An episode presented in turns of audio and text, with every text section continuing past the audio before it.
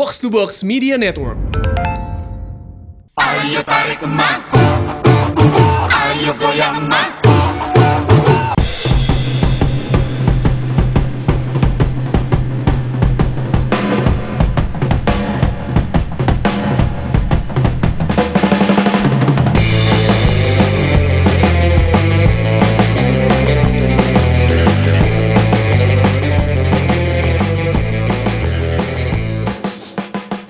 Balik lagi di umpan tarik bersama saya Tio. Iya. Udah lama ya umpan tarik gue ya? Wis gila. Kapan tuh terakhir episode 20-an kalau Gak salah tahu gue lama banget karena waktu itu udah di eh, udah diberikan kepada Kang Jalu dan anak Kedai Bola dan Mas Arista juga. Eh nyalain dulu dong mic-nya. Gimana sih itu nyalain dulu dong mic-nya? Belum nyala. Nah, gimana? Ha. Lu di sini sebagai bintang tamu atau sebagai host nih? Nggak tahu lu ada yang mau host nggak? Jadi gue bintang tamu juga bisa sebenarnya. Ya, kita bareng-bareng aja lah karena eh, pada episode kali ini kita akan membahas eh, derby nas apa derby Melayu ya, derby Nusantara. Eh, ini antara nasi uduk versus nasi lemak ya. Eh, Oke. Antara Unyil dengan Upin Ipin. Ya. ya kan ini Siti Nurhaliza lawan Hah? Krisdayanti ya kan. Eh. Tapi eh, pada episode kali ini ada gua Tio yang kembali eh, jadi invalan ya, invalan Kang Jalu. eh. Terus juga ada Eki dari gara-gara bola apa kabar Ki? Yoi, baik Mas Dio. Eh, gila. Mas Arista nih udah lama banget nih. Halo, Mas. Biasanya ketemu abis Iya. sebelum take sama Danila ya Iya. kan atau sama Manohara ya ngeliatin doang. Tapi pada malam hari ini juga kedatangan eh, salah satu jurnalis dari Fox Sports Malaysia eh, ada Cash. Cash apa kabar Cash? Kabar baik, terima Ya, kasih ya. kerana bawa saya ke sini. Eh, Cash ini dari eh, Malaysia langsung, Eh, so dia bakal bikin eh, video dokumenter tentang derby eh, Nusantara ini me- eh, Malaysia melawan Indonesia. Jadi dia bakal bikin video di Indonesia dan juga di Malaysia yang bisa kalian saksikan nanti di Fox Sports. So, so they gonna we gonna watch the video uh, later in Fox or Ya di Fox di Fox Sports Malaysia dan mungkin juga di Indonesia juga. Iya. Jadi nanti kita akan membahas eh, di segmen ini kita akan sangat membahas eh, bagaimana sih panasnya rivalitas Indonesia melawan eh, Malaysia ini karena kita tahu eh gak usah jauh-jauh. Jadi gini, gue tadi baca berita ketika orang-orang tuh ya tipikal orang Indonesia ya. Eh, siapa pun itu yang main ketika apa namanya eh, lagu kebangsaan dibunyikan itu Iya. pasti pada berisik. Iya. Ya kan apalagi di Malaysia ini Ah. bukan eh, karena banyak banget orang Indonesia yang melihat oh, ini bukan hanya eh, eh, sentimen di olahraga, Ah. ini sentimen antar negara ya kan karena ya ya i- di- udah, udah rahasia umum Indonesia dan Malaysia selalu terjadi gesekan-gesekan. So there- there's so many problems ya. so- saudara biasa berantem saudara Eh. itu kan biasanya gitu. Eh. Sebenarnya sayang-sayang aja, cuman agak Benci tapi rindu Iya. ya. tapi tapi from uh, Malaysian fans perfect per- uh, perspektif uh, uh, sebenarnya uh, bagaimana sih orang Malaysia khususnya yang ya, ya, uh, orang-orang Malaysia yang ma- melihat rivalitas Indonesia melawan uh, uh, Malaysia ini Cash? Saya rasa orang Malaysia memang secara jujurnya melihat rival ni sebagai mungkin derby yang paling penting untuk orang Malaysia. Saya baru saja hari itu bersembang dengan penyokong-penyokong bola Malaysia Yeah. dan, dan kebanyakannya berkata tidak kira ini perlawanan friendly atau World Cup qualifier atau Asian Cup qualifier apa-apa pun dengan tim lain kalah menang tak kisah tapi lawan Indonesia kena menang. Sama kayak Indonesia. Iya. Lu boleh lah kalah lawan Thailand, lawan Vietnam, tapi lawan Malaysia jangan sampai kalah. tapi emang iya maksudnya eh, Ki lu kan udah eh, juga eh, pernah menyaksikan Indonesia Malaysia kan. Eh, Iya. eh, Mas Arisa juga lah apalagi dulu yang Hmm. Eh, si kita punya final AFF ya kan Iya. yang di Bukit Jalil drama itu ya Iya, kan iya. drama yang Iya. sampai sekarang me- me- me- menyisakan banyak problematika itu Betul. sebenarnya kalau dari dari sisi dari sisi fans Indonesia ya eh, eh, sisi- karena gue sebagai eh, penulis atau jurnalis ya, jadi gue mesti mesti netral kan kalau bikin Iya. apa kan jadi dari seba, dari sisi fans ya kan sebenarnya apa sih yang membuat eh, kedua eh, negara ini memiliki rivalitas yang sangat panas ya kan di dalam lapangan? Kita kita nggak bicara politik ya di lapangan aja dulu. Apa ya kalau gue melihat sih emang eh prestasi ya. Prestasi yang Malaysia mungkin lebih bagus karena pernah juara AFF dan Indonesia belum pernah. Jadi itu yang membuat iri atau seperti apa ya tetang saudara lah harus iri-irian seperti itu sih kalau aku melihat seperti itu.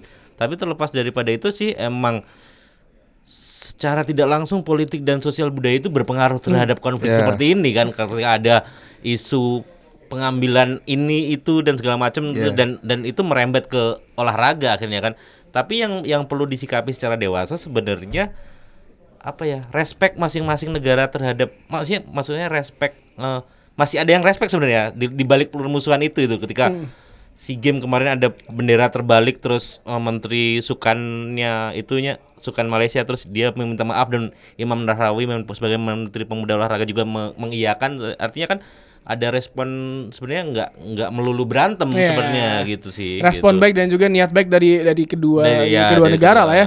Dan Eki kalau misalkan ngomongin eh, fans, eh, lo pernah nonton di Bukit Jalil? Pernah. Bagaimana rasanya nonton di Bukit Jalil? Kebetulan waktu itu gue nonton di Bukit Jalil bukan ketemu Malaysia, Ketemu siapa? tapi ketemu Iran waktu itu. Oh. Ketemu ketemu Iran dan gue tanya beberapa orang Malaysia di sana yang ketemu di Bukit Jalil sama ada beberapa teman di sana. eh, dia langsung waspada sama Indonesia. Waktu itu skuadnya Fahri Husaini ya, U16.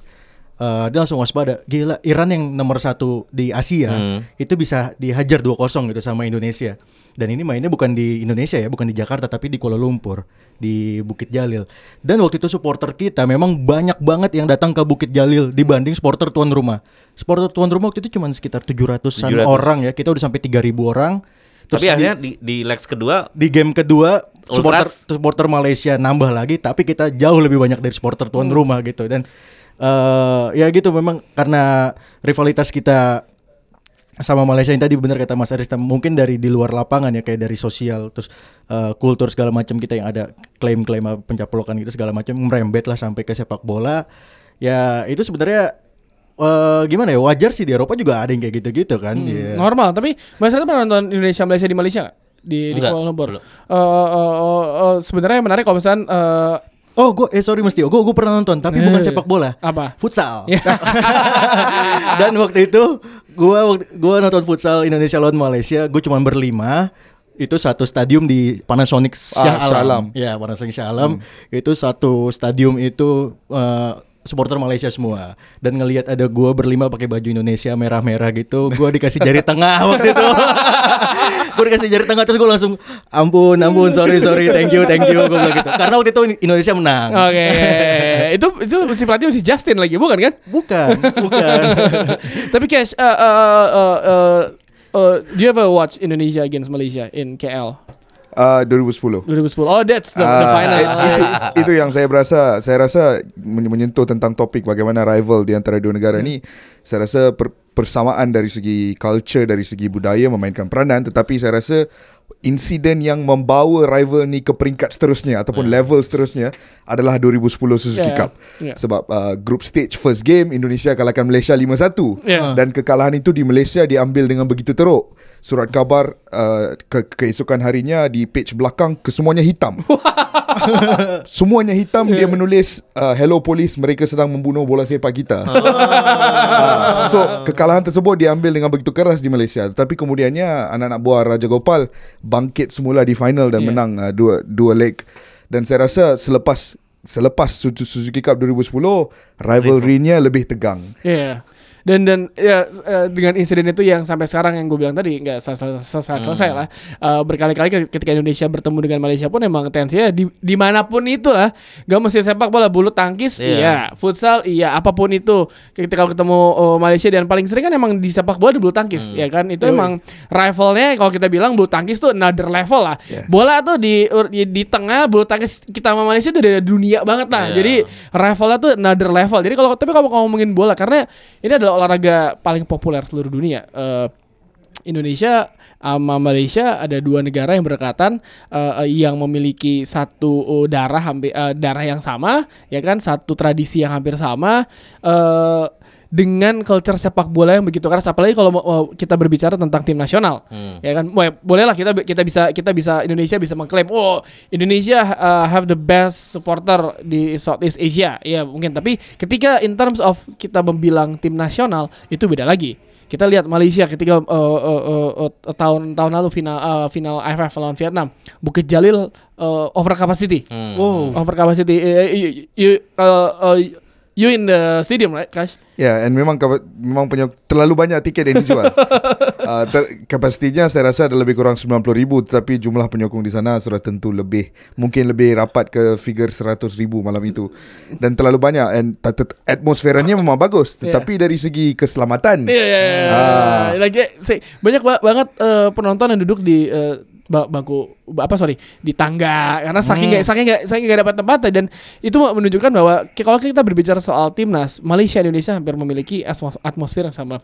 Jadi eh, like eh, pertemuan pertama besok hari Kamis di di Gelora Bung Karno ini bakal menjadi titik eh, bakal menjadi contoh apakah eh, apa yang akan dilakukan oleh fans Malaysia ketika kita nanti bertandang lah ke ke ke, ke KL eh, ke Kuala Lumpur di eh, pertandingan kedua. Tapi kalau berbicara soal ini banyak banget eh, apa namanya eh, kita bisa bilang eh, rival ini nggak bakal pernah mati ya kan pertandingan-pertandingan terbaik pun juga banyak dan kita juga ingat banyak banget pemain Malaysia yang yang sukses main di di Indonesia ya kan Safi Salih. Safi Sali ya Hmm, kan Eh, eh, siapa lagi eh gue lupa Safi Salih legenda Safi- Fleet aja ya. Iya. Ya, saya rasa Safi Salih saja Iya. setakat ini yang Malaysia.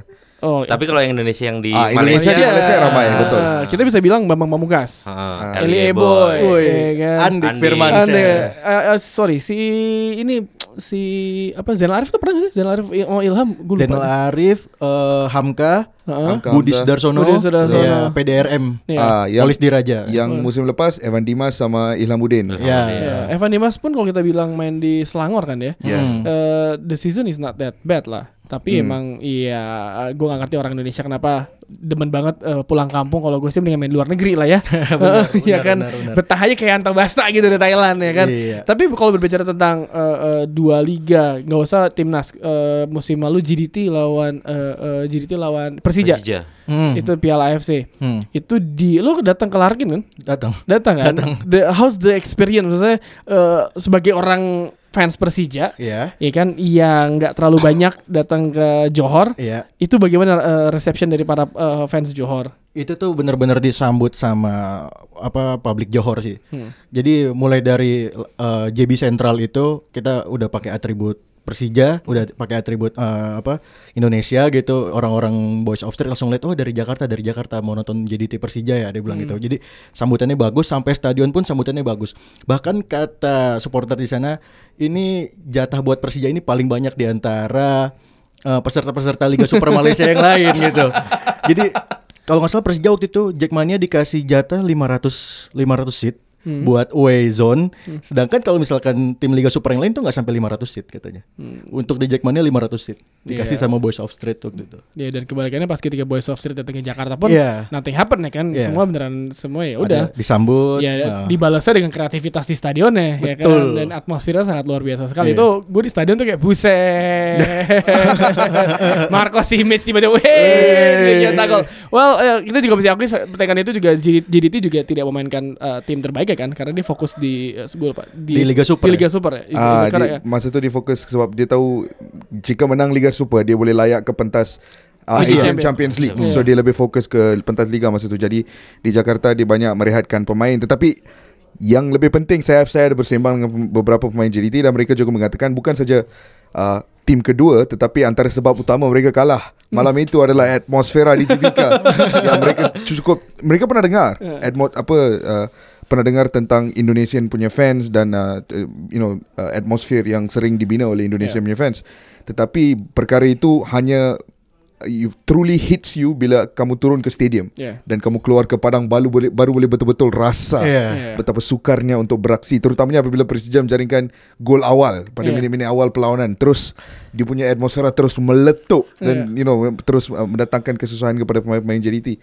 Jadi saya rasa cukup cukup terkenal buat masa sekarang di Malaysia uh, culture football di Indonesia di merata negara. Iya dan dan eh, kalau ngomongin eh, atmosfer GBK, gue ingat ketika tahun lalu Piala AFF Suzuki itu gue nemenin anak-anak eh, Filipin Hmm. eh, kayak si yang kembar siapa gue lupa namanya Filipin. Di Filipina tuh. Oh, yang husband. Eh, yang Hmm, husband saudara Philip- itu Philip sama Philip sama uh, iya, James. uh, James. Gue ngobrol, terus dia bilang kayak I still remember uh, every every uh, corner in the stadium that time when we, when your country uh, kill us uh, and then, like, I, I still remember the ambience so this is so kayak dia, dia bilang kayak ini menakutkan banget tau nih stadion ini tapi Iya. sayangnya di skala itu ya kita udah gak terlalu berharap apa-apa jadi kayak oh, oh begini ya jadi dia sebenarnya agak kecewa dengan dengan atmosfer yang Waktu yang itu. yang waktu itu ya jadi eh, nggak di nggak- oh oh jadi kayak gini padahal saat itu ketika GBK itu sangat mencekam banget buat Iya. uh, buat tim-tim ya bahkan Thailand pun juga asing nih main di sini Iya. Eh, dibandingkan kalau misalkan eh, kemungkinan besar gue juga bakal bakal berangkat ke Bukit Jalil ya kan Ketemu kita. Gue juga udah beli. Gue berangkat ke Bukit Jalil jadi eh, eh, di pertandingan pertama nih gue belum tahu eh, kategori satu dua tuh sold out ya tiket Hmm. Enggak, satu belum. Yang Dua di- yang sold out. Dua tuh yang yang di belakang gawang Yang ya. belakang gawang. gawang tuh sold out. Belakang Hmm. Eh, sold out dan masih banyak eh, tiket sisa gak sih? Yang di ke- kemarin sih update-nya sudah 50 ribu tiket ya dari dari 66 ribu Like 50 yang dijual. 50,000 Wow. Away zone-nya Wow. itu yang dari Malaysia udah kejual 1200. 1200. Supporter Oh, Malaysia. oke. Oke. 1200. Saya saya it- itu itu nomor yang saya tidak begitu pasti sebab hari itu di media sosial ada ada orang kata oh Empat- hanya 40 50. 45, Saya, ya. saya pun terkejut apa 40 saja yang turun ke Jakarta. Tapi bila, ka- bila kamu cakap sudah 1200 saya bilang okey lah 1200. 1200 berarti emang eh, ini bakal rame nih hari Kamis besok ya kan. Dipastikan wah nih abis ini kita bahas eh, lini per lini kalau ini luar biasa nih kalau kita bahas lini per lini. Eh, tapi yang menarik dari atmosfer ini juga yang nggak bisa kita eh, lupakan please. Jadi kalau kalian di stadion ketika lagu kebangsaan eh, eh, eh, Malaysia berkumandang please jangan eh, teriakan kata-kata kasar, jangan ngebu, jangan apa eh, respect sama setiap negara karena lu juga nggak mau kan ketika lo main di negara lain lagu kebangsaan lu digituin kan. Betul. Jadi kita respect ketika lo gini deh, eh, as simple kayak lo misalnya liburan ke KL, ya lo menaati peraturan semua yang ada kan, sesimpel kayak gitu aja deh, ya kan dan Iya. dan para fans Malaysia pun juga pasti melak- eh, apa eh, mematuhi semua peraturan yang ada. Jadi kayak kebalikannya aja dan eh, orang Jakarta atau orang Indonesia sering banget ke KL. Percaya sama gue, lu ke di Bukit Bintang pasti banyak orang Indonesia, ya kan? ya kan lu ke Chinatown ada orang Indonesia, ya Iya, kan? iya. Bahkan eh, begitu juga orang Malaysia ke Jakarta ada, ya kan?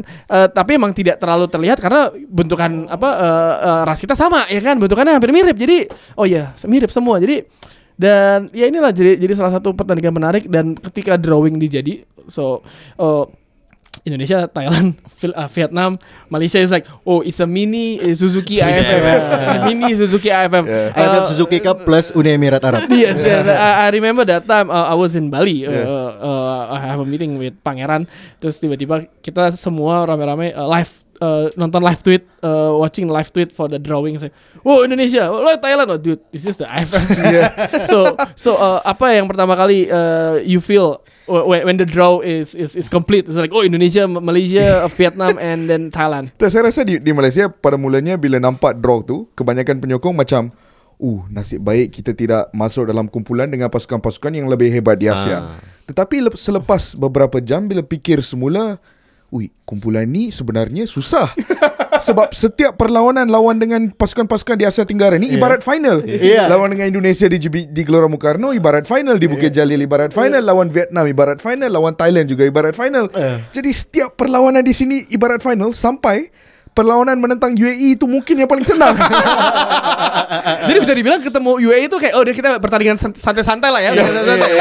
Karena mungkin eh, bisa dibilang eh, UAE another level lah, satu tingkat satu atau dua tingkat di atas di Ah, atas betul. kita. Tapi kalau ketemu Indonesia, Thailand, Indonesia, eh, Malaysia, Malaysia, Vietnam, Malaysia, Thailand, ini duel klasik semua ya kan. Iya. Semua Iya. memiliki mas- mem- memiliki memorinya. Gengsi Eh, Asia Tenggara. Nah, iya kan Indonesia dengan sepak bola gajah dengan Thailand, ya kan itu paling kampret ya kan.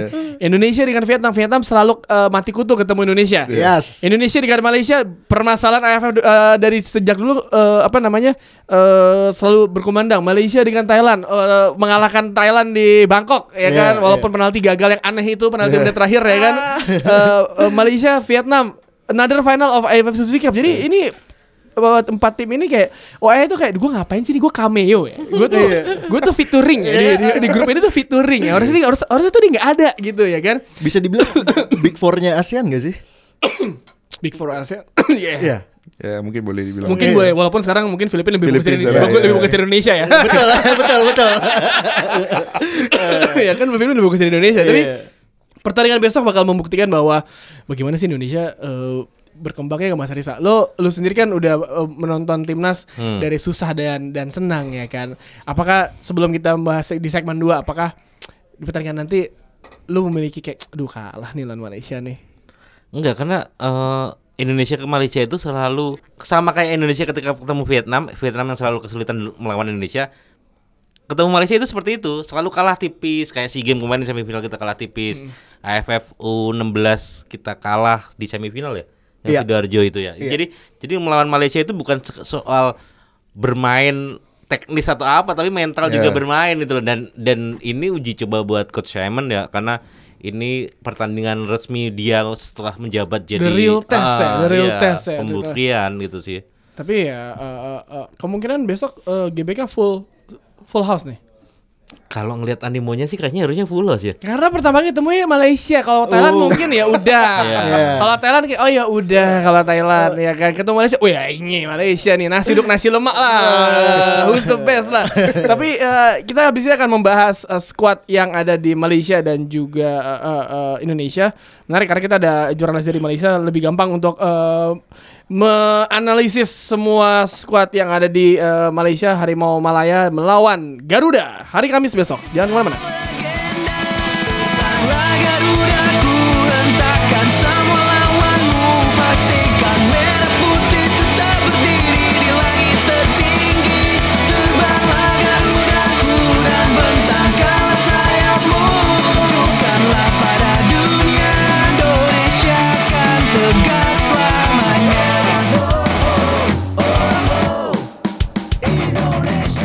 Kalau tadi kita udah ngebahas eh, bagaimana panasnya rivalitas kedua negara ya di luar dan di dalam lapangan di semua berbagai kompetisi. Kalau di Indonesia bola, Indonesia Malaysia bola iyalah.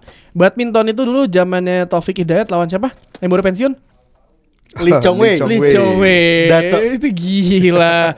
itu menurut gua salah satu pertandingan terbaiknya. Itu duel top duel lah, top Yeah. duel. Jadi lo Lee Chong Wei dan Taufik Hidayat tuh kayak ugal-ugalan juga nih dua dua dua pebulu tangkis ini tuh kalau main tuh Yeah. hmm, the rival ya kan. Kalau di zaman dulu Sadek, Sadek. Rasid Sidek Jalani Sidek. Sidek anak-anak sidik. Ya, lawannya Hendrawan ya. Hendrawan. Eh, eh, bulu tangkis kita tuh sama Indonesia sama Malaysia tuh nggak pernah berhenti ya. Tapi begitu juga dengan sepak bola kita banyak banget pemain eh, Indonesia yang eh, mencoba peruntungan di eh, Liga Malaysia. Sebelum kita ngebahas skuad yang ada ini mungkin banyak banget cash eh, banyak eh, pendengar eh, umpan tarik yang they don't know uh, the structure of the league in the Malaysia because you have a Malaysia Super League, you have the Malaysia Premier League, yeah. uh, and then you have the FA Cup. So Farm. so the farm Oh. farm. So so so what's uh, what's the difference? So di Malaysia ada dua liga utama, Liga Super Malaysia division pertama yang paling atas sekali, di bawahnya Liga Premier Malaysia division kedua dan kemudiannya di bawah itu adalah M3, M4 itu Yeah. lebih, lebih kepada semi pro dan Yeah. juga amatur. So yang yang paling utama adalah liga. Okay. Selepas itu ada dua lagi kejohanan, Piala FA yang berlangsung sama dengan liga dari bulan Februari sampai bulan tu, uh, bulan uh, Julai. Hmm. Selepas bulan Julai, selalunya dari Ogos sehing- sehingga hujung Oktober atau awal November adalah Piala Malaysia. Oh, Yang okay. yang operasinya sama seperti Euro, ada empat grup, empat pasukan dalam setiap grup. Okay. Dua pasukan masuk quarter final, semi final, lepas tu final. So the league is finished first. League habis bulan Julai. Habis bulan betul. Julai. Uh, how many teams in the Dari Liga Super ada 12 pasukan, Liga Premier pun juga 12 pasukan. Pantas cepet 12 tim doang. Kita 20. 18. Jadwal aja berantakan. Ha, ini tumben nih, ini tumben nih. Break. International break. Well, usually uh, uh, in, in Indonesia uh, bila kita uh, ada international break, liga kita tidak stop. Oh really? Liga tidak stop. And some do you remember the last time uh, IFF Suzuki Cup? Yeah. Uh, liga kita belum stop ketika IFF Suzuki Cup sudah mulai. So that's Jadi weekend yang akan datang ini ada ada perlawanan Enggak. Indonesia? this is, this is the first time. Ah, first time di, di First time. yeah, So okay. that's why we will like, wow, you did a good job lah. Tapi ya maksudnya 12 12 klub eh, yang degradasi dua atau tiga tim? Ah, dua. Dua tim. Ya. Eh, yang musim ini degradasi Degradasinya Kuala Lumpur, ya pasuk bekas pasukan uh, Jufrianto. Ya. Uh, Kuala Lumpur dengan uh, siapa ya lagi satu pasukan? KLF itu eh, tim baru kan ya? KLF tidak tidak. KLF sudah lama di sana. lama. Cuma uh, sejak beberapa tahun ini prestasinya agak Menurun. menurun. Nah, itu klub Nizam lah. Ya, kalau bisa ya. Masa- Eh, City Boys. City Boys, yes. Ibu kota itu, ibu kota. Iya, Eh, iya, eh, KL abis itu yang juara ya, siapa lagi ya kalau Ya, bukan siapa mereka warga-warga eh, bangsa Johor. bangsa Johor. Oh, K- KL KL dan PKNP. Ah betul, PKNP. Iya. yang promosi berarti Yang promosi uh, adalah pasukan Sabah Sabah. sebagai juara liga dan juga pasukan uh, PDRM. PDRM, PDRM itu eh, Polis Diraja. Polis Diraja. Bayangkara Iya, iya, FC. iya, Pineng tuh punya klub gak sih? Ada, Penang ada. Penang sepat, sebenarnya Penang yang di, Ya. layak dapat promosi. Ya. Ya. Tetapi ada kes tidak bayar gaji yang, Wah. Oh. yang FIFA disuruh potong Oh enam, sama enam ya? mata. Ya. Sama ya? Pineng tuh ini Faiz Subri Oh, yang iya, iya, yang iya. puskas Oh, yang, yang puskas, puskas. puskas, ya. Tapi Faiz Subri bukan nggak punya klub ya? Di awal musim. Enggak tahu. Uh, Faiz Subri sudah tidak tidak Oh, bermain bola lagi. main bola lagi Ya, kan? Penang Nah. ini bekas klub bekas klub Osasaha. Oh, sasa, ya. Because I love Penang lah. The city is okay, the Yeah. food is nice, ya kan. That's itu why. itu selalu orang cakap di Malaysia ni dua bandar yang saya juga paling suka Kuala Lumpur dan Penang tetapi kedua-duanya kelab bola sepak ya. Itu juga terjadi. Beruntung eh, di Indonesia sekarang lagi papan atas tuh Bali United ya.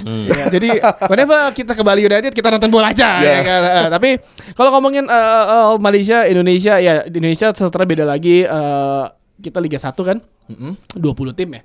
Eh, 18. Eh sorry 18 tim nomor satu sekarang masih Bali kan. Bali. Yang mengucapkan PS Tira. Ya. Uh, so basically I, I I'm the Liga 1 host Okay. in Indonesia. So uh, biasanya saya selalu dapat tim papan tengah, middle team. Okay. Always uh, dapat jadwal middle team. Barit uh, ya you, you name it lah. Uh, PSIS Semarang and then uh, Bayangkara? Barito, Bayangkara, Bayangkara always. Semen Padang. Semen Padang, Borneo. Tapi Borneo sekarang lagi bagus ya. Iya. Tapi maksudnya uh, lawannya tuh pasti ada yang uh, papan tengah. Jadi udah ah, hafal ya pemain-pemain papan tengah tuh sebenarnya banyak yang bagus, tapi mungkin belum terlihat ya kan. Dan begitu juga dengan para pemain yang belum terlihat uh, hilalnya nih, ya kan oleh coach Simon. Siapa yang tidak di bawah, siapa yang dipastikan di bawah. Ini ada beberapa nama yang uh, gue dapat dari artikel lama. Mm-mm. Tapi emang sejauh ini sampai uh, uh, podcast ini di take hari Selasa malam ya. Ya. Simon tuh belum uh, apa namanya belum apa belum uh, Rilis. rilis nama-namanya Ke- berbeda dengan uh, dengan uh, Malaysia. Malaysia. Malaysia tuh udah udah rilis pemain ya berarti kan? Ada. Rilis pemain 24 yang di bawah. Hmm, betul. Uh, uh, uh, tapi satu akan dicoret. Uh, 24 pemain di bawah Hmm. kerana Sumare ada masalah kecederaan sikit. Jadi saya rasa pagi pagi esok atau pagi match day nanti Yeah. kita akan dapat tahu uh, squad 23 penuhnya. Iya dan mereka sudah sampai hari ini di di, di Betul, Jakarta ya. baru tiba hari tadi. Uh, kiper dari Malaysia ini uh, Muhammad Farizal Mardias GDT ya. Ya, Hakim Muhammad Hafizul Khairul Nizam Joti Perak, Perak, eh, Muhammad Ifwat Akmal Cek Kasim Kedah. Kedah. Tiga ti- tiga kiper nih what do you think about this? Oh, saya rasa Farizal Marlias jelas kiper kiper terbaik di Malaysia. Yeah. Uh, cukup konsisten bersama Jodoh Takzim juga Hmm. antara sebab utama JDT menang liga dengan cukup confident kurang membolos gol. Farizal sudah tentu nombor satu di sana. Hafizal Hakim dan juga Ifwat musim ini sebenarnya ada masalah prestasi sedikit.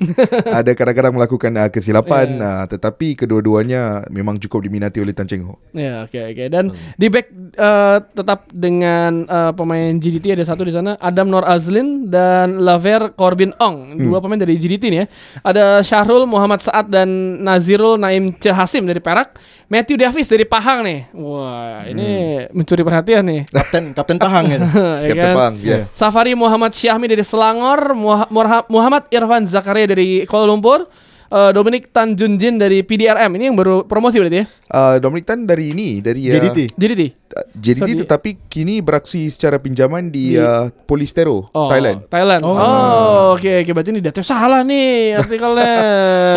so toh, jadi so uh, in the back four. So uh, Malaysia always using the back four. Yeah. right? So who's gonna be the the central? Saya rasa back four-nya sudah memang di squad Malaysia ini Yeah. posisi back four itu yang paling senang mau pilih siapa empat terbaik. di posisi right back Cap- Captain Pahang Matthew Yeah. Davis uh, saya rasa dipilih yang terbaik uh, kacukan Malaysia Australia. Yeah. Di posisi left back Corbin Ong juga. Yeah. Uh, kacukan Malaysia Barbados. di posisi tengahnya uh, back tengah adalah uh, Syarul Saad, Kapten pasukan Perak dan juga Adam Norazlin antara pemain uh, JDT yang Ya. paling menyerlah di pentas uh, uh, Asian Champions League juga musim ini. Ya, dan JDT tuh ngalahin kasih kasih Antlers ya. Iya. Golnya bagus Iya. lagi. Ya kan Ska- eh, Safawi ya, Safawi, Safawi. Ah, Golnya eh, bagus lagi. Lawan Kashima. Eh sorry yang mana Syafiq Ahmad. Syafiq, Syafiq Syafiq Ahmad. Oh. Iya. Yang itu kayak, wih dia menang. Ketika jadi tim menang lawan AFC Champions League, kita masih pusing di piala, piala AFC ya kan. Malaysia kan punya Corbin Ong gitu ya. Corbin Ong dia punya lemparan Ah, yang apa? kuat ya. Dia macam uh, apa nama? Rory Delap. Rory Rory Delap. Delap, betul. Dia ibarat Rory Rory Delap, betul Iya. betul. Corbinong. Eh bergerak ke gelandang nih ada Muhammad Syamir Kuti Aba GDT lagi. Brandon Gan dari Perak, Muhammad Nur Azam Abdul Aziz dari Pahang, Muhammad Akram Mahinan dari PKNS FC, Muhammad Daniel Amir Nor Hisam dari Velda United. Ini Velda United lumayan gue familiar namanya kenapa ya? Velda Sezarahan pernah main di sana. Oh iya, Zarahan. Zarahan. Ah yes, Zarahan. So ini gelandang nih eh, salah satu posisi sentral ya. Iya. yang akan menjadi menjadi eh, eh, eh, eh, eh, bagaimana kedua kesebelasan akan mengadu nasib nih di lini tengah besok ya. Yeah. So usually uh, Malaysia using 3 or 4. Ah, i- ini yang susah sebab uh, jika kita lihat di AFF Suzuki Cup tempoh hari Hmm. um, dia gunakan 4-2-3-1 dan dua yang dua holding midfieldersnya Akram Mahinan sama Syamir Kuti. Yeah. Tetapi kali ini Nur Azam Azeh pulih dari kecederaan ada dalam skuad Hmm. uh, Pahang dan mereka juga ada Brandon Gan. Ah. Brandon Gan ni pemain kecukan Malaysia Australia pernah Ya. beraksi untuk Sydney FC dulu Hmm. Betul. dan uh, Brandon Gan kali terakhir beliau menyarung jersey Malaysia adalah ketika menentang Indonesia pada tahun 2016 ada kecederaan ACL dalam perlawanan Yeah. tersebut Ah. ah. selepas tu satu tahun tidak bermain tahun lepas kembali beraksi bersama Perak Ya. dan tahun ni kembali ke dalam skuad kebangsaan jadi Kembali. inilah posisi yang sekarang ni kita tidak begitu pasti Yeah. siapa Ke mana? yang mungkin bermain Safik Rahim ke mana? Safik Rahim. Oh Safiq Rahim uh, tidak dipilih ke dalam skuad kebangsaan tapi beliau sekarang bermain karena di, karena di bukan belakang. JDT lagi. Ah, karena bukan JDT. ah, tidak ber- bermain sama Melaka sekarang. Ya. Oke. Oke di lini depan eh di sorry sayap ada wah ini nih eh, favorit gua nih Safawi Rashid. Dan Muhammad Akhir Abdul Rashid dari GDT ada J Partiban dari Perak eh, Muhammadu Sumareh dari Pahang Muhammad Hadin Azman dari Velda United dan lini depan ada Muhammad Syafiq Ahmad GDT lagi Muhammad Syahril Fikri MD Fauzi Perak uh, Nors uh, Nors Harul Idlan Talaha Pahang Ah, itu Itu- itu legenda tuh. itu mimpi buruk kita waktu 2010 itu. Eh, jadi di, di di si posisi sayap dan juga di posisi depan ini yang salah satu menjadi momok menakutkan bagi lini belakang Indonesia nanti nih ya. Eh, siapa yang bakal Safawi Safawi pasti udah pastikan atau Ya, dia Safawi sudah tentu akan diturunkan. Uh, cuma tidak pasti di bagian kanan atau kiri. Ya. Ya. Uh, di JDT selalunya di bagian kanan kerana dia suka buat cutback Hmm. dan Okay. suka guna kaki kiri. Uh, tetapi di sini Sumareh bermain di bagian kanan. Tu- Cuma saya rasa kalau Sumareh tidak pulih dari kecederaan, jadi mungkin Akia Rashid akan diturunkan juga. Uh, pemain yang saya rasa perlu diberi perhatian uh, dan pemain peminat Indonesia kurang kenal adalah J Partiban. Hmm. Ni 27 tahun, kali pertama dipanggil ke skuad kebangsaan.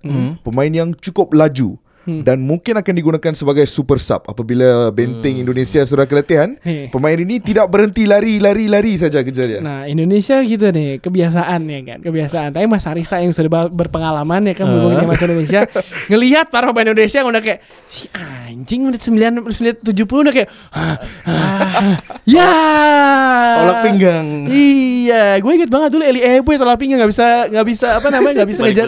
Iya nggak nggak nggak bisa ngejar balik lagi kayak, waduh ini yang bisa bahaya. J J Partiban nih bisa menjadi kalau misalnya besok nyetak gol, gue karena besok bekerja ya eh, ada salah satu produsen minuman eh, susu itu Uh. eh, Instagram takeover sama pangeran. Ini gue bakal ya bener kata kata cash nih bener nih kita kelakuan. Tapi kalau kita ngomongin tadi Malaysia eh, eh, eh, how big your confidence with this uh, squad? Oh, saya rasa buat kali pertama selepas lama after a while uh, peminat-peminat uh, Malaysia sebenarnya agak confident dengan squad ini. Okay. Uh, bukan saja untuk game lawan Indonesia tetapi untuk grup ini secara keseluruhannya sebab uh, ramai yang tertarik dengan perkembangan pemain-pemain JDT ini Yeah. seperti Safawi yang telah menunjukkan di pentas Asia Yeah, boleh yeah, beraksi yeah, dengan yeah, bagus. Uh, cuma yang isunya adalah di bahagian belakang saya rasa yang agak uh, Syarul Sar dengan Adam Nur Azlin kadang-kadang agak kucar-kacir. Yeah. Uh, tapi di bahagian hadapan, di terutamanya di bahagian sayap, uh, pe- peminat Malaysia cukup confident. Yang yang sus- susah adalah nombor 9 kerana kita masih lagi mengharapkan Nur Syarul Nur Idlan. Syarul yang, yang dari 2010 sampai sekarang Yeah. masih lagi mengharapkan uh, Nur Syarul. Uh, tetapi jadi uh, tempoh hari lawan Jordan pun kita lihat kita banyak cipta peluang dalam perlawanan persahabatan di Bukit Yeah. Jalil tetapi tidak ada penyudah di kotak Yeah. penalti. Jadi itu yang menjadi tanda tanya buat uh, penyokong Malaysia. Gue juga notice buat ke akhir akhir eh, Rashid ya, Ah. pemain JDT yang Yeah. musim sebelumnya main di Kedah bareng sama Betul. Andik Firmansyah kan. Betul, betul. Nah itu dia tuh eh, lompat itu tuh lompat level dia tuh masih under 19 tapi udah Yeah. masuk di senior. Mantap. Jadi itu harus di notice tuh sama backnya Bahaya. Indonesia nanti. Oke, kalau ngomongin gitu kita ngebahas Indonesia nih gue seneng banget nih. Ketika eh, abis Piala AFF itu pertanyaan gue ada anjing siapa pemain Indonesia nih sekarang ya kan. Selepas eh, angkatan Boas Bambang dan Mhm. kawan-kawan, gue sampai sekarang belum begitu confident dengan dengan squad yang kita miliki, squad Indonesia yang dimiliki ya kan. Iya. Eh, ketika Piala AFF gue berpikir wah ini bisa nih. This is our year kalau kata fans MU sekarang ya kan. This is our year terus ya kan.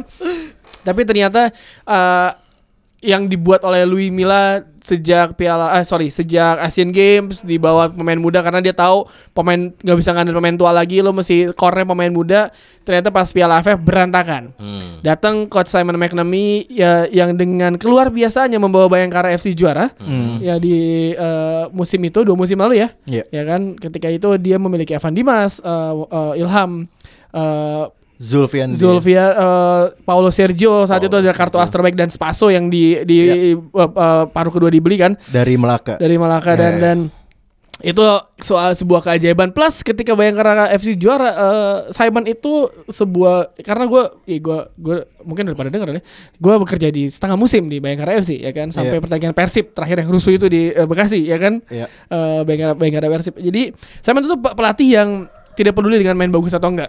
Lu bermain pragmatis tapi lu hasil akhirnya bagus. Eh ketika Bayangkara FC juara, Bayangkara FC itu selalu menang 1-0, 2-1. Jarang dengan margin lebih dari 2-0, tapi bermain bermainnya pasti nyetak gol lu 3 poin karena liga. Iya. Liga kan satu musim full Maraton. maraton dan Hmm. ketika itu juga tim-tim saingan mereka Bali, Persija, Arema, Persib itu pun juga penampilannya juga kurang begitu bagus. Jadi beruntung lah setelah hiatus eh, yang di ban sama FIFA itu Iya. ya kan piala apa Liga Kopi itu ada ya kan.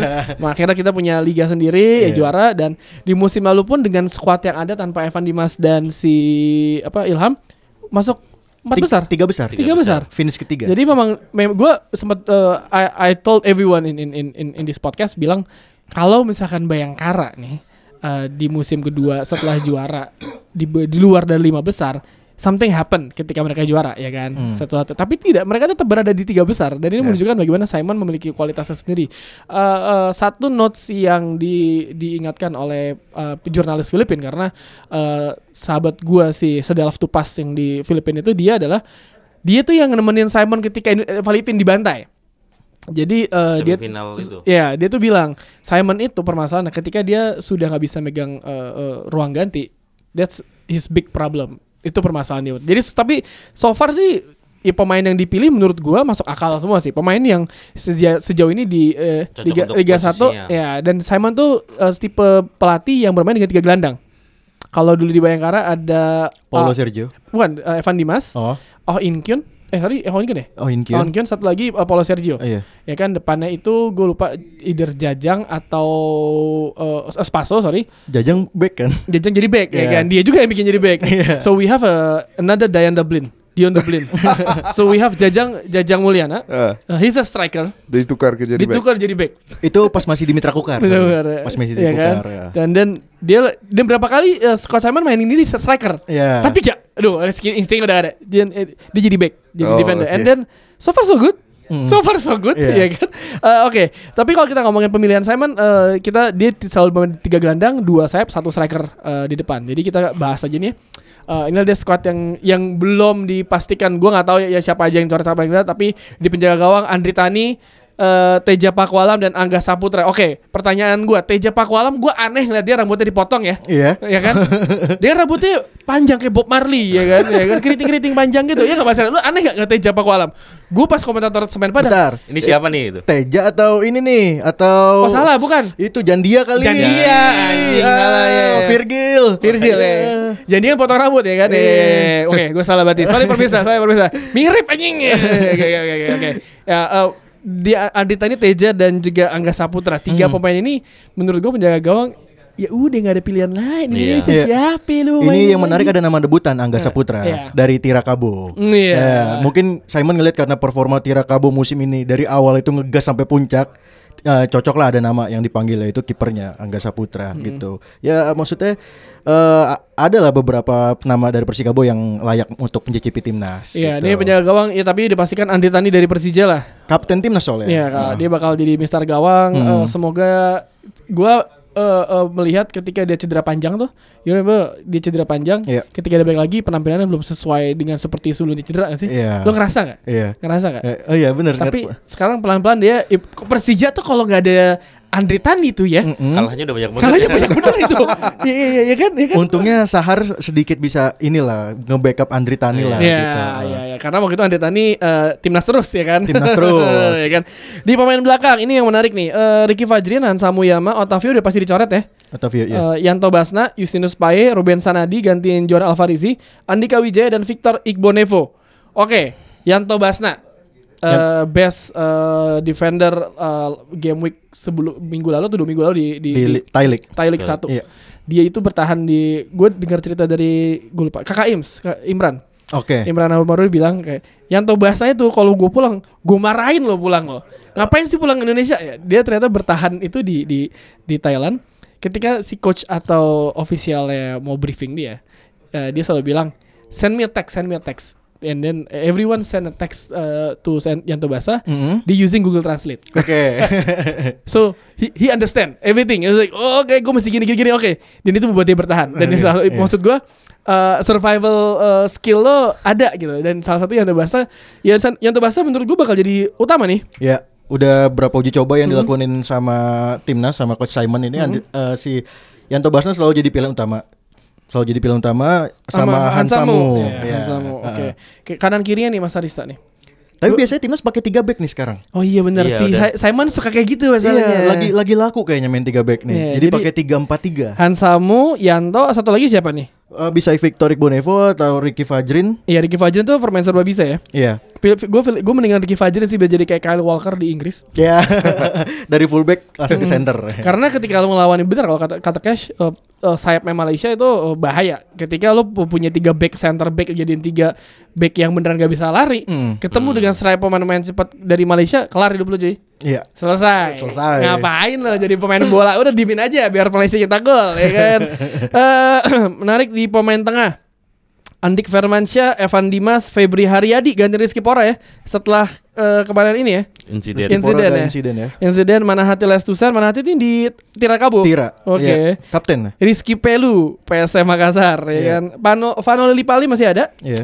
Eh, Zulfiandi, Irfan Jaya dan Greg Wokolo. Greg Wokolo dicoret berarti ya?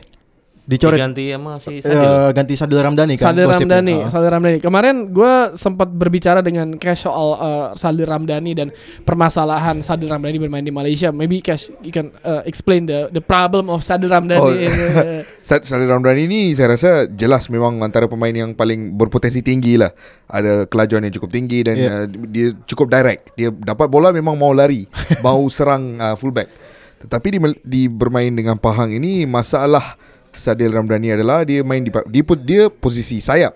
Dan di Pahang dua pemain yang ber, bermain di sayap di bagian kirinya adalah Nur Syarul. Iya. Nur Syarul digunakan sebagai pemain sayap di Pahang. Oh. Bermain di belah kiri. Di belah kanan adalah Sumare. Iya. Dari dua pemain skuad kebangsaan yang beraksi di bahagian sayap memberi competition kepada Sadil Ramdhani. Jadi jarang Sadil Ramdhani digunakan dalam kesebelasan pertama. Selalu digunakan sebagai pemain gantian. Hmm. Ha, tetapi apabila bor, dibawa masuk sebagai pemain gantian, Sadil memang ada menunjukkan uh, impak yang positif. Satu lagi masalah bagi saya uh, untuk Sadil adalah saya rasa Sadil adalah pemain yang kalau ada ruang, beliau pemain yang efektif, boleh menggunakan ruang tersebut untuk membuat larian. Tetapi di Pahang kerana Pahang ni pasukan yang suka kontrol bola. jadi selalu Pahang yang kontrol bola lawan mana-mana pasukan di Liga Malaysia, Sadil tidak ada ruang Oh. untuk membuat larian. Yeah. Setiap kali Sadil dapat bola, beliau dia suruh dekat dengan fullback. Jadi Sadil struggle sedikit di sana. Itu saja masalah Sadil Ramli di Malaysia. Tapi memang antara pemain paling berpotensi tinggi. Uh, bagi saya, Sadil musim ini bersama Pahang mungkin lagi efektif dari Evan Dimas dan Ilham di Selangor musim lepas. Sadil Ramdhani, spesialis godek kiri, tendang kaki kiri. ya kan? Gitu aja. Yang set khas dia banget. Lari, berhenti, gocek kiri, ada space tembak. ya kan? Ini aja apa eh, iseng-iseng berhadiah dan Betul. akhirnya gol ya Iya. kan. Eh berarti tengah udah pasti Evan Dimas nih. Eh mana hati dan Vano Lillipali atau mana eh, Rizky Pelu Vano Lillipali? Eh, Zulfiandi juga bisa sih. Zulfiandi biasa yang selalu tandem, yang selalu tandem sama Evan Dimas. Karena di Zulfiandi lebih lebih holding kan. Iya. Biar Evan Dimas sama Vano Lillipali bisa Iya, Van Bergerak. Lillipali mungkin bisa ditaruh di CF nantinya. Iya, iya, di iya. di winger depan Iya. gitu kan. Vano Lillipali itu pemain serba bisa. Serba bisa. Kita beruntung memiliki Vano Lillipali. Nah mungkin di tengah di empatnya ini di kanan kiri bisa ambil dari Tinus Pai. Tinus Pai di kanan, Ruben Sanadi di kiri. Iya benar. Atau mana Attila Susen di kanan, Ruben Iya. Sanadi di kiri. Gitu. Mana tidak susahnya bisa jadi back kanan ya Bisa, kan. Memang kita tuh bisa segala segala Iya, macam ya iya. kan. Zulfiandi Irfan Jaya, Greg Wokolo eh, dicoret ganti sama ini berarti ya kalau misalkan bener kalau kata si Cash eh, Malaysia punya eh, pemain yang cepat Hmm. di babak kedua bisa dimasukkan. Kita juga punya Febri Haryadi. Uh. Pemain yang selalu lari crossing crossing crossing aja. Iya. ya kan lari aja ke depan. Iya, ya iya. kan kadang suka salah perhitungan tapi nggak apa-apa. Bentuk dari eh, perkembangan zaman, perkembangan hidup lah. Dia bisa menjadi lebih baik di masa-masa yang datang akan datang ya kan. Sip. Febri Haryadi ya kan. Eh Andik ya udahlah ya. Lo mau ngapain lagi sih Dik? Udah deh. Heeh. Udah jago. heeh. Iya. Andi kalau kata gue jadi pilihan utama sih Iya, di kemarin depan. gue yang bingung eh, kenapa nggak dari Kiko Simanjuntak ya? Iya, gue juga bingung nggak tahu kenapa nih. Atau Prestasi Andik di Liga Indonesia musim ini bagaimana? Di- Madura? di, Madura itu dia baru cetak berapa gol ya? Ke- Kemarin itu sempat cetak gol indah dari dari samping gitu. Langsung ke depan. Cuman di Madura dia selalu main inti memang. Oh, oke. kan eh, Los Galak Los galak banget. galak banget Ya kan? bukan los galak, galak, galak banget ya kan Eh, dan di lini depan ini eh, permasalahannya si tipikal eh, seorang Simon Mc- McManamy selalu memainkan satu striker Hmm. Iya. Ferdinand Sinaga Beto Gonçalves Hmm. Oh Sasa Beto tuh harusnya dipanggil 10 tahun yang lalu ya kan Jangan sekarang Pas masih di Persipura ya. Iya Iya gak Mas Risa Setuju gak? Iya, setuju. 10 tahun lalu Lu ngeliat pernah penampilan Beto gimana? Cuman meskipun sekarang udah tua tapi di- beberapa kali Beto ngomong ini bukan soal umur kan, soal emang semangat dan itu ya. Ya emang kita sudah melihat eh, buktinya ada seorang pemain namanya Christian Gonzalez yang Iya. sudah berumur juga masih bisa nyetak gol banyak. Iya. Cuman andai Ah, 10 tahun yang lalu gitu ya. Ya, lebih bisa berguna banget ya kan, lebih bisa bagus. Tapi ya kan? belum WNI waktu itu. Ya kenapa sih nggak dipikir WNI WNI aja udah.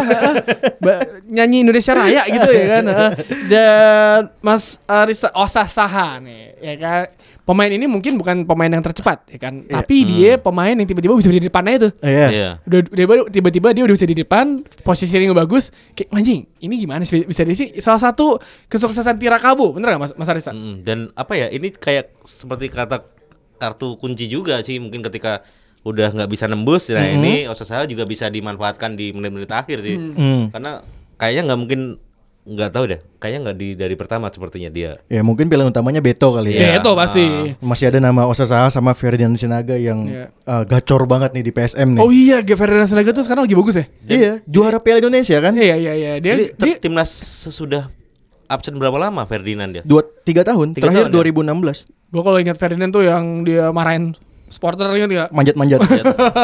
atau masih di Persib ya Ya, Iya. eh, dia Ferdinand pernah main di Malaysia gak sih? Pernah? Pernah, Pernah kan? ya? Musim Pernah. lepas dua bulan bersama Kelantan. Dua bulan Ah, iya, Kelantan. dua bulan dengan Kelantan. Kenapa bisa dua bulan doang sih, Cash? You know the story ya? Um, Kelantan ini klub yang eh, lima tahun lepas mungkin klub terbaik di Malaysia. Oke. Oh, terakhir sebelum jadi tu juara juara juara terus tuh Ah, Kelantan. Itu Kelantan yang Iya, paling iya, kuat. iya. Ah, betul. Ah, tetapi Peter Butler dulu dia ke jurulatih Kelantan. Oh, Iya. iya. iya. Tetapi sejak satu dua tahun lepas Kelantan sekarang ni ada banyak masalah dari segi kewangan, Ah. dari segi struktur. Jadi saya tidak pasti sebab utama Ferdinand uh, dilepaskan. Sebenarnya mengikut kata presiden Ferdinand yang meminta untuk pulang ke Indonesia. Oh. Tapi saya juga berpendapat bahawa mungkin Kelantan sedar bahawa mereka tidak boleh lagi membayar gaji. Se- Sebab selepas Ferdinand pulang, uh, jurulatihnya pula ber, uh, uh, resign Hmm. dan banyak pemain import yang juga pulang. Bruno Lopez. Uh, j- betul. Yeah. Casio, Casio ah, de Casio, Jesus. Casio de Jesus. Yeah. Kebanyakannya uh, pulang sebab gaji tidak dibayar. Iya. Dan musim ini Kelantan bermain di liga liga kedua sudah, Liga Premier. Liga sekarang Premier, ini. ya. Oh ternyata permasalahan sama juga kayak di Indonesia ya Gak bisa bayar gaji ya, elah. ya kan uh, Ferdinand Sinaga Beto Osasaha Ini sangat menarik pertandingan besok nih. Kita masih nungguin berarti uh, rilis, rilis resmi dari Coach Simon ya Iya. Siapa pun yang ini uh, pertandingan yang menarik Kurniawan gak ada nih nama Kurniawan? Kurniawan siapa? Kurniawan Dewi Willianto. Ilham Jaya Kusuma aja Lu kasih sama buah salosa tuh Pemain yang disikat kakinya Heeh. Boas Salosa ya kan 2004 tuh ya. Ingat banget. 2004 ini nonton gua masalahnya. Gua pakai baju Boas ya Iya. kan, baju yang putih Adidas itu tuh yang Iya, putih iya. Boas ya kan. Tra- tragedi Bukit Jalil tuh ya. Iya, nonton di Senayan ya kan eh, sama teman-teman gua se- eh, udah selesai nonton ke PS ya Plaza Ah. Senayan. Tapi ada satu perkara yang yang saya sedar sebagai uh, pembina pembina bola sepak Malaysia. Kebanyakan penyerang-penyerang yang paling kuat di Indonesia kesemuanya datang dari Jayapura. Boas Boas Iya. cukup cukup terkenal di Malaysia. Iya. Kemudiannya apa? LA Boy. Yang LA, LA Boy Iya. yang baru-baru ini siapa? Yang Ini 2 3 tahun eh, lepas. Titus Bonai, Titus Bonai. seorang, ada seorang lagi nama. Patrice Wanggai. Patrick Wanggai, Tidak, ada satu. Eh, Rivaldo Ferre, bukan? Todd Ferre. Todd Ferre. Todd Ferre masa Sudah depan. ter- Sudah teringat nama. Tapi kebanyakannya majoritinya datang dari Jayapura. Kenapa? Hmm. Kenapa? Kekuatan fisikal kan?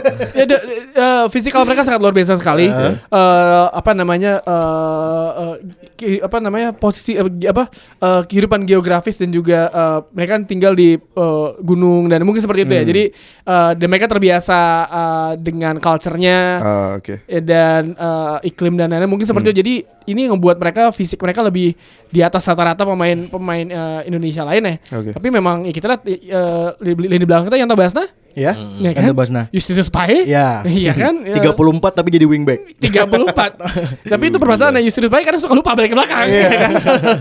Tapi ini menarik sekali pertandingan Malaysia lawan Indonesia ya kan kalau bisa kita bilang eh, pertandingan ini eh, eh, yang ya kita bisa menyaksikan setiap dua tahun sekali lah kalau diundi di AFF ya udah ketemu lagi sama Kalau nggak semifinal final gitu Iya, misalnya. itu dia, ya kan. Tapi eh, ini adalah perjalanan awal dari kita menuju Piala Dunia berapa? 2000 2022. Yang kemungkinan kita nggak bakal lolos, ya kan? Jadi kita sadar diri aja. Tapi Piala Asia Piala semoga Asia. aja. Ya, lolos. Piala Asia lolos biar gue liputan lagi.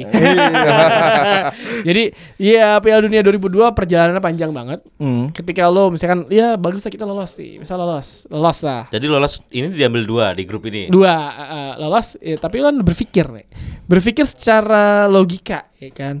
Ada Australia, Jepang, Korea Selatan, Iran, Arab Saudi, ya Iya. kan? Yang dia itu udah hari-hari, Udah hari-hari tuh main di Piala Dunia, Piala Dunia, ya iya, kan? Jadi iya.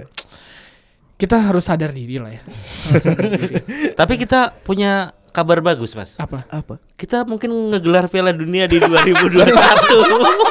Piala Dunia under 20. Under 20. Iya iya iya iya. Sama siapa? Dua eh, ba- ba- barangan lagi kayak dulu Piala Asia, ya Enggak, kan? Jawa Timur, Jawa Jawa Timur. Timur, ya Tuan kan? rumahnya Jawa Timur di Oh Surab- Surabaya. Surabaya. Iya iya iya. iya. Heeh. Emang ini in- apa infrastrukturnya sudah siap mungkin Bu Risma ya kan. Iya. Piala Dunia eh, under 20 tuh gerbang menuju pemain permainan kan dulu Piala Dunia apa yang di eh, Malaysia under Bawah 17. 17, tahun ya kan? 1997. Pirlo itu main di sana kan? Ya, Iya. Riquelme, Riquelme. ya, semuanya Iya, main iya, di. iya, ya. Iya, Jadi ketika nanti kita- Nakata juga ya. Pablo Aymar juga. Iya, jadi Ya. kalau misalnya kita si pertandingan itu terjadi gelar di Surabaya, Mhm. siap-siaplah kalian memburu pemain-pemain mana nih yang bagus nih, ya Iya. kan? Ya kan? Gue sih udah pasti nyari pemain Inggris ya kan. Tapi iya sa- eh, eh, sebelum kita tutup eh, umpan tarik edisi Indonesia versus Malaysia, Edisi berapa coba? nggak tahu mas. Eh, Eh, edisi berapa? 57. Wih, gila ada episode 57 baik banget ya. Terakhir dia 27 soalnya Mas. Eh, eh, eh, eh, satu kata yang menggambarkan eh, pertandingan nanti apa Mas Adisa? Gaduh-gaduh. Gaduh. Seru itu campur-campur. Campur-campur. Halo? Satu kata yang menggambarkan Indonesia Malaysia nanti ya di GBK ya. Kerja gua. gua kerja sih nanti. Cash one words. Oh, meremang bulu bulu Roma. Ini kali pertama saya di Gelora Bung Karno. Waduh, enjoy the vibe. Kalau gue satu kata kerja juga.